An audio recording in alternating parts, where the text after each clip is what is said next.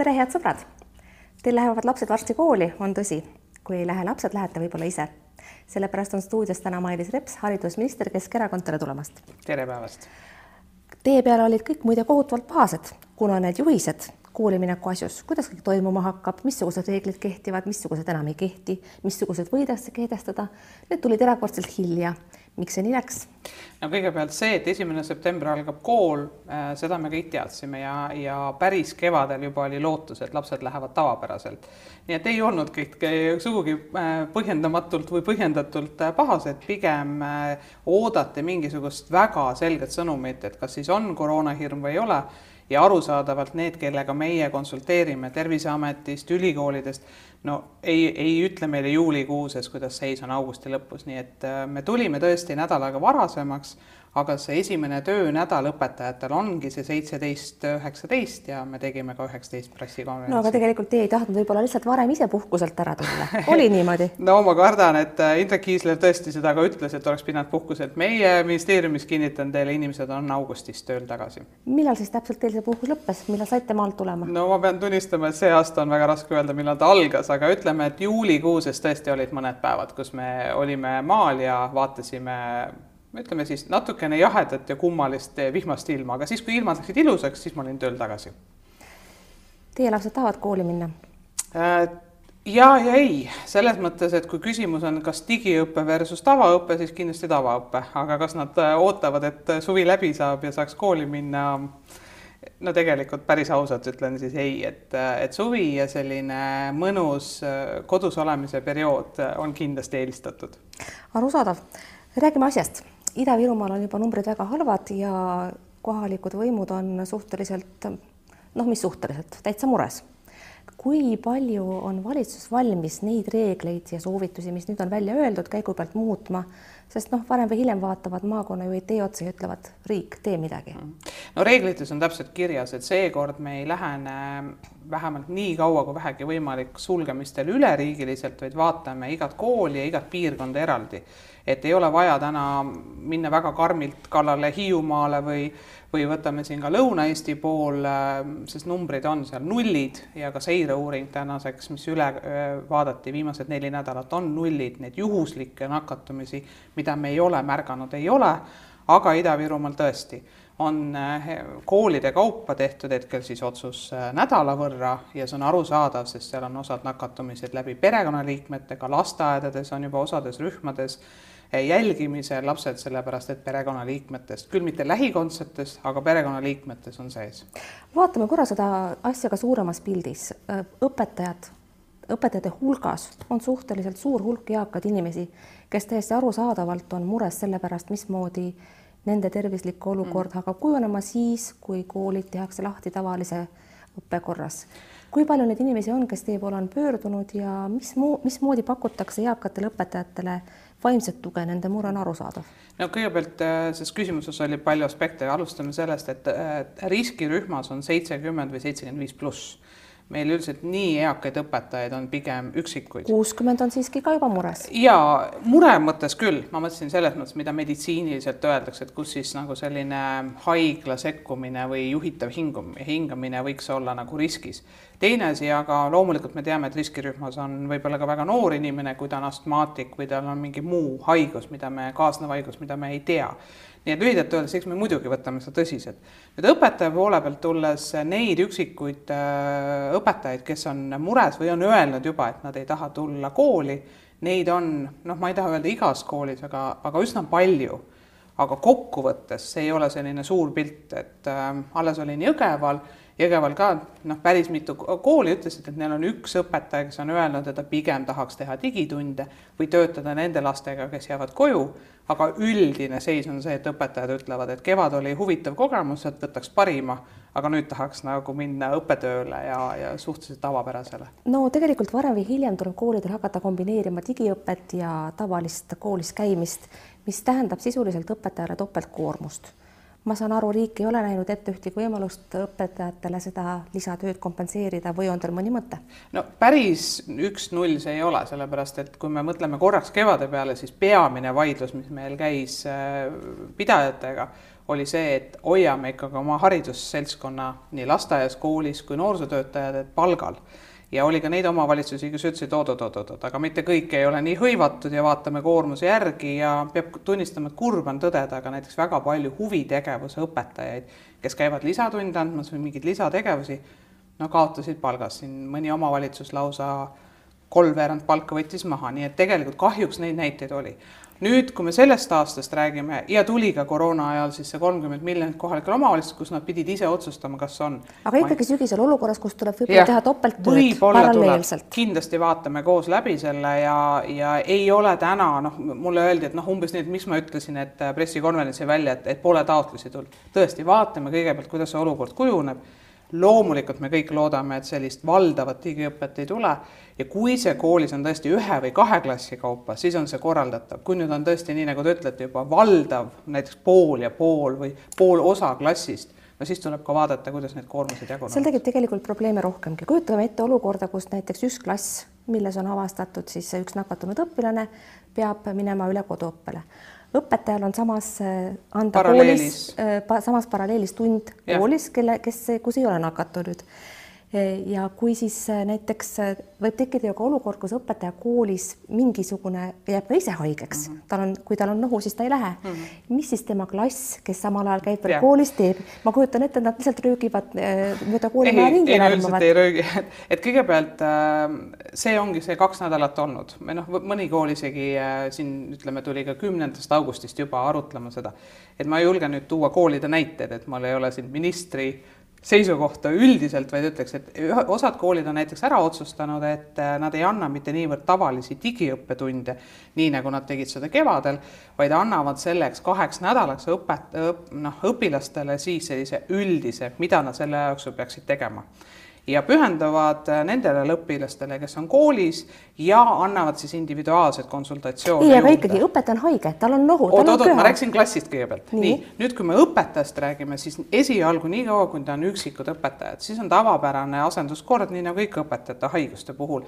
ja juba on öeldud ka, et näiteks mõne õpetaja puhul et ta on nii hea spetsialist, et nad kindlasti võimaldavad talle digi kaudu anda õpetajale näiteks klassile tundi ja siis nad korraldavad, et mingi teine personal tuleb, on olemas selles klassis. ja selliseid näiteid, kinnitan teile, on juba koolid ka läbi mänginud, et aga see on üksikute õpetajad, nii et kui suur osa õpetajaid, näiteks nii nagu Jõhvis praegu, kui sul on ühes koolis viis või enam õpetajat, siis võib tõesti olla, et et need klassid su-, suunatakse siis kaheks nädalaks koju äh, digiõppeperioodile ma saan aru, eriolukorra väljakuulutamist teist korda tahaks valitsus vältida.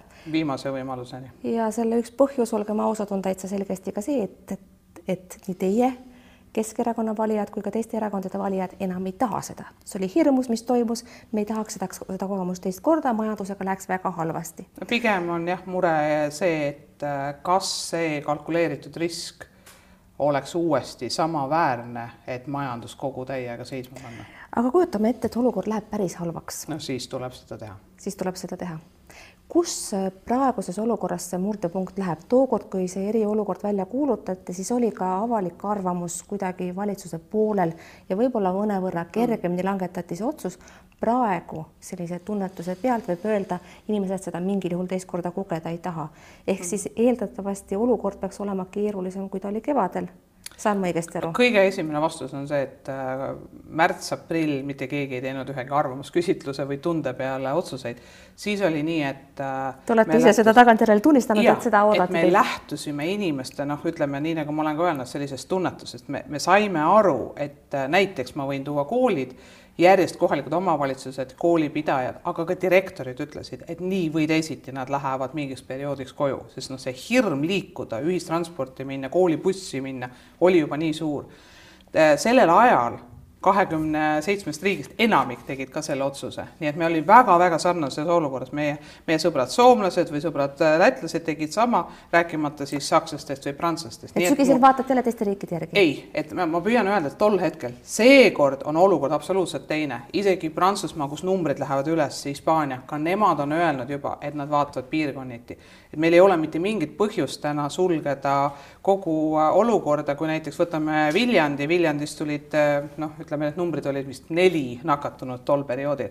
et ikkagi vaatame piirkondade kaupa, välja arvatud noh, loomulikult arusaadavalt, kui on mingi muu põhjus.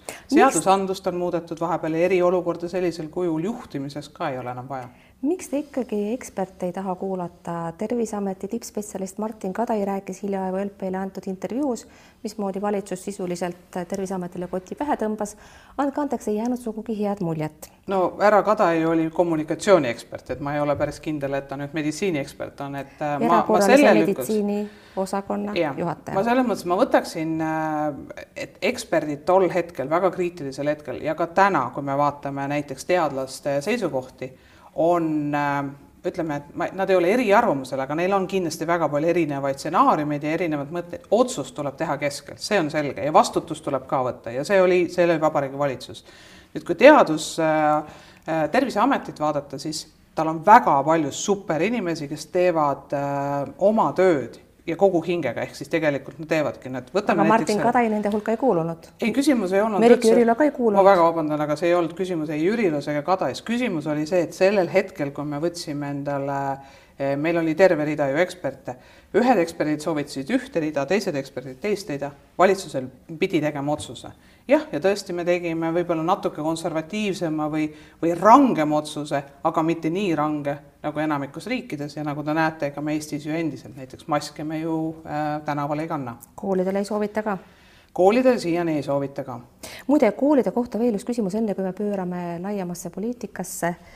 Äh, suured klassid, et sellest on nüüd nädalavahetuse jutusaadetest ka olnud kergelt juttu ja minu meelest on see teema, mida tasuks ka võimendada siin äh, klassikomplektid on väga palju suuremad, kui nad peaksid olema, me räägime siis põhikooli osast, sest gümnaasiumis otseselt seaduspiiri ei säe, aga nelikümmend õpilast ja rohkem on ikkagi juba üle mõistuse.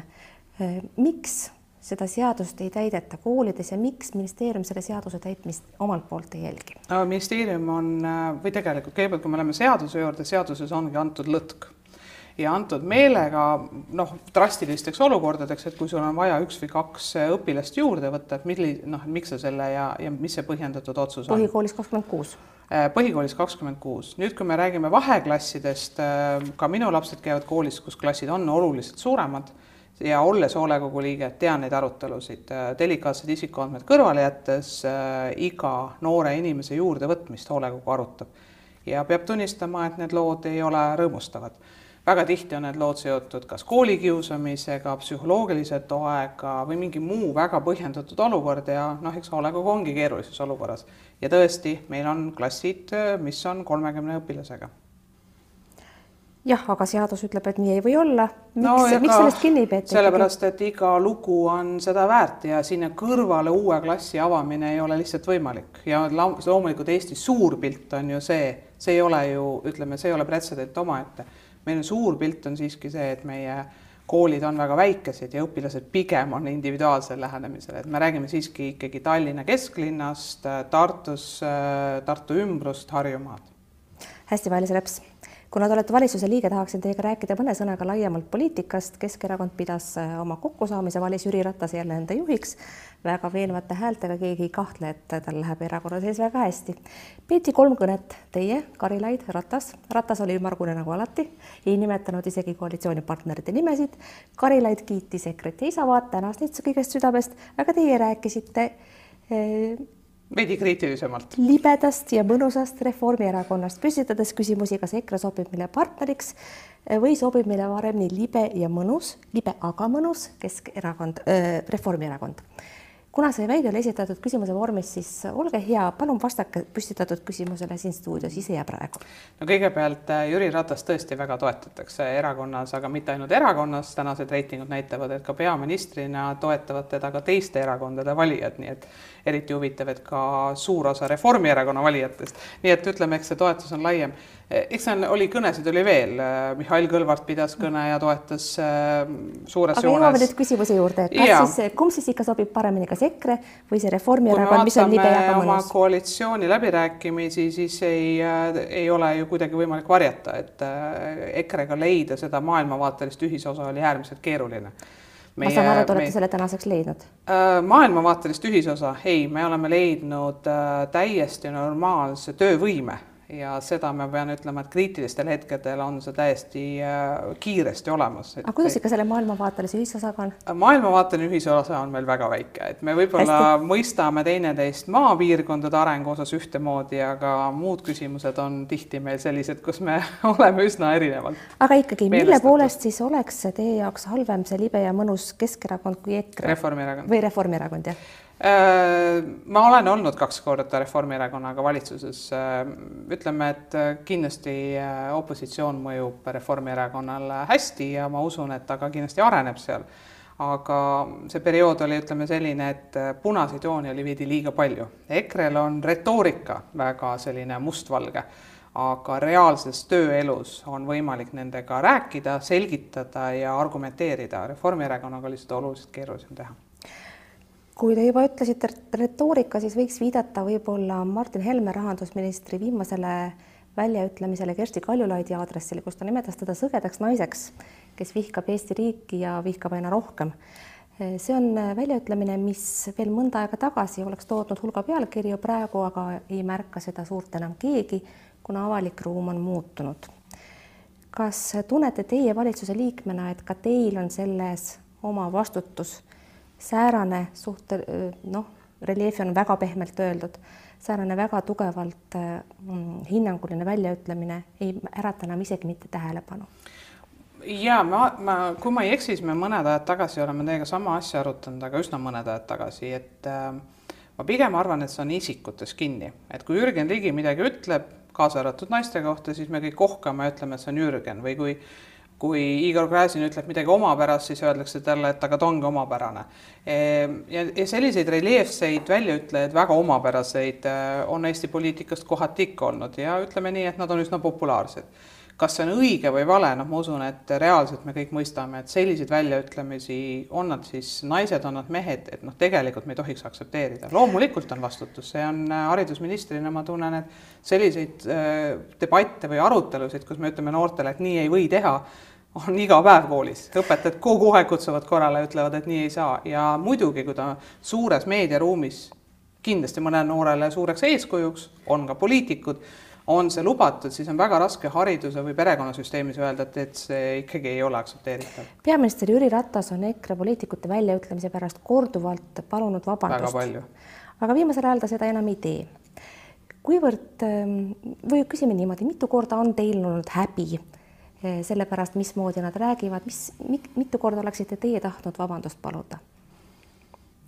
vabandust paluda, ei, mina üldiselt äh, usun sellesse, et kui inimene eksib, siis ta peab kindlasti vabandama. Ja ma olen valmis seda tegema alati ja kaasa arvatud oma laste ees aga, aga ütleme, teise inimesest vabandada, jah, see on selline abstraktne, ma, ma üldiselt ei jaga seda, et, et ma võtaks kuidagi vastutuse teise inimese tegevuse eest ja siis vabandan tema eest, et ma pigem ütleks, et, et seda, seda osa ma nagu jah, ei isegi selgitada. aga olete tundnud häbi selle pärast, mis on avalikus ruumis juhtunud päris, päris um, mitu korda, näiteks seesama sõdenaine. avalikus ruumis, aga ma kõigepealt küsin niipidi, et või vastan niipidi, et jah, meil on olnud äh, väga väikses ringis olnud arutelusid, kus ma pean tunnistama, et EKRE poliitikud ka teavad, kus ma olen isegi ruumist lahkunud, nii et jah, neid hetki on olnud, aga avaliku ruumi debatt, noh, seal noh, jah, ütleme, et sõnu, sõnavara ma kindlasti sellisel kujul ei kasutaks, aga aga ütleme, presidendi institutsiooni ja EKRE suhted on olnud pikka aega väga keerulised hästi, otsest vastust, kas teil on olnud häbi, ma siiski nüüd ei saanudki äh,. avaliku ruumi osas on, on see natuke keeruline vastata, see ma peaks vaatama kas häbi on, kas häbi, kas häbi on midagi säärast, mis on privaatses ruumis ühtemoodi, avalikus yeah, ruumis teistmoodi? sest privaatses ruumis on ta olnud eh, sihitud ja võib-olla veidi räigem ah soo, tavaliselt on Keskerakonna poliitikud ja muide ka teised koalitsioonipoliitikud püüdnud jätta just vastupidist muljet, et et teravused on... toimuvad äh, avalikus ei. ruumis, aga mitte silmast silma. Teie väidate vastupidist? Äh, ei, ma väidan seda, et äh, ma veel kord ütlen, meil on EKRE-ga tööalane diskussioon, väga töine, aga mm, arutelud on kohati üsna maailmavaateliselt erinevad. Teid on isiklikult solvatud, kui te olete ruumist välja läinud, saan ma õigesti aru? ma olen aru? isiklikult tundnud puudutatuna ennast, jah see on tähelepanuväärne avaldus, sest sellist ei ole siin stuudios enne tehtud. no aga te küsite, ma ütlen, et avalik ruum on veidi erinev jah, aga ma pean ka tunnistama siinkohal, et ka minu ees on vabandatud. hea seegi. Ehm, vaatame veel korra ette abielureferendum tuleb ja ma küsisin ka siin, olen varem küsinud ka mõnes teises debatis, et missugust probleemi see lahendab.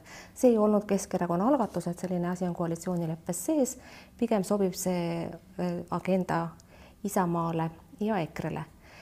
kuid äh, te olete koalitsioonipartner, oluline osapool, peaministripartei. seetõttu ma küsin ka teie käest, missugust probleemi selle korraldamine lahendab hmm.? referendumi korraldamine perekonna teemal ei lahenda ühtegi probleemi. miks te sellega siis kaasa lähete? see oli ühe osapoole peamine soov. Alternatiivid, mida me arutasime, olid äh, vastuvõetamatud meile ja referendumi korraldamine oli antud äh, ühisel nõupidamisel kõige vastuvõetavam aga veel kord ütles, et see ei olnud abielureferendum, see nüüd on perekonna mõiste osas ja, ja eks ta selline, eks ta selline teema on, kus perekonnaseaduses olev sõnastus meile sobib. Aga kui me läheme laiemasse debatti, mida referendum ju kaasa toob, siis ta kindlasti hakkab vastandama inimeste rühmasid ja meie erakond on alati olnud vastu igasugune vastandamisele, on ta vähemuste vahel, on ta keele vahel, on ta mõne miks te sellega vahel. siis nõus olite? Äh, sest alternatiivid olid äh, sellised, mis ei olnud meile vastuvõetavad. olete te kindel, et see, mis hakkab kohalike valimiste eel toimuma seoses selle referendumiga, on teile vastuvõetav? ei ole kindel ja eks seda me nägime ka juba parempoolsete pöördumises, et eks see koalitsiooni sees kindlasti on üks väga valus äh, teema ja ei ole kahtlustki, et kõik soovivad, et koalitsioon püsiks töisena aga kui sellised küsimused tulevad nii põhimõtteliselt vahele, et ei leita kompromissi, muidugi, et see ole, noh, me ju ei vähenda küsimust, kindlasti tekitab äh, vastuolusid ühiskonnas, mida meil ei ole vaja. Hea, et te seda ütlesite, kahju, et teod ei kinnita teie väiteid. Sveta Grigorjeva kõne oli midagi, mis Keskerakonna poliitikutele kohutavalt meeldis, nad jagasid seda, nad kommenteerisid seda kiitvalt, kiitis Jüri Ratas, kiitis Tanel Kiik. See on ka täiesti arusaadav, sest teemad, mida nimetati, peaksid minema korda teie valijale ja kindlasti lähevadki. kogu seda kiitust kuulates tekkis minul küsimus, mida on Keskerakond ise teinud. nüüd nad jagavad küll Grigorjeva kõnet, kiidavad takka, ütlevad, räägib õigetest asjadest, aga te olete valitsuses, teist korda valitsuses. miks te pole neid probleeme lahendanud, millest Grigorjeva räägib? no eks me osaliselt äh, iga päev ju ka sellega tegeleme, et no tegelete, aga kus on lahendused? No lahendused nii keerulisele küsimusele, et kuidas ühiskonnas ühendada erinevaid rahvusrühme, ei ole kindlasti äh, ühe ega viie aasta küsimus, aga see, et me anname noorematele inimestele aina rohkem võimalusi, et me jälgime näiteks seda, et ka avalikus sektoris on võimalik kompetentsetel noortel inimestel erineva keeletaustaga tööle tulla mina kinnitan, Haridusministeerium on küll väga avatult sellele vaadanud, et me jah, väga väikestes asjades, aga tõesti oleme sellega tegelenud, aga muidugi on ka kurbi näiteid. kui me võtame nüüd töötuse määra, siis esimesena kõige valusamalt ta lõi äh, Ida-Virumaad ja vaesus, teie loosung oli õiglane, õiglane riik, kus see on? Äh, vaesuse osas äh, leevendusi me oleme pakkunud just kriisi ajal just sellepärast, et see ei tekitaks olukorda, mis olid mõned aastad tagasi, kus töötus lendas üle saja tuhande. nii et, et me selline põhimõtteline lähenemine, et me ei tohi tekitada äh, ühiskonnas sellist veel suuremat lõhet, aga lõhe on olemas loomulikult seda me peame nentima, et nii, et kui me vaatame nagu valijate rahulolematust Keskerakonnaga, sealjuures ka venekeelse valija, siis on see, et vastuseid, mida ka Yana Toom on mitu korda välja toonud, et kes kindlasti tunneb oma valijat paremini, ütleb, et äh, tahetakse kiiremaid lahendusi lõpetuseks, me ei jõua rääkida kõigest, millest tahaks, aga ikkagi märgime ära ka presidendivalimised. Teie olete presidendivalimistel osalenud ja kui oleks läinud teisiti, oleks võib-olla Mailis Reps praegu president. Kersti Kaljulaid tõenäoliselt uuesti ei kandideeri. värskete uudiste valguses, kas võiks olla, et Keskerakond esitab teid uuesti äh,? ei, Keskerakond äh, on peaministripartei ja üks äh, ambitsioon korraga, nii et tõenäoliselt me peame leidma sellise vahva inimese, kes on maailmavaateliselt kena ja sobib Isamaale ja, ja EKRE-le? sobib laiale kandepinnale, jah. selge, Mailis Reps, suur tänu, et tulite stuudiosse head sõbrad, aitäh, et te vaatasite, vaadake teinekord ikka, mingu teil vahepeal hästi, kuulmiseni, nägemiseni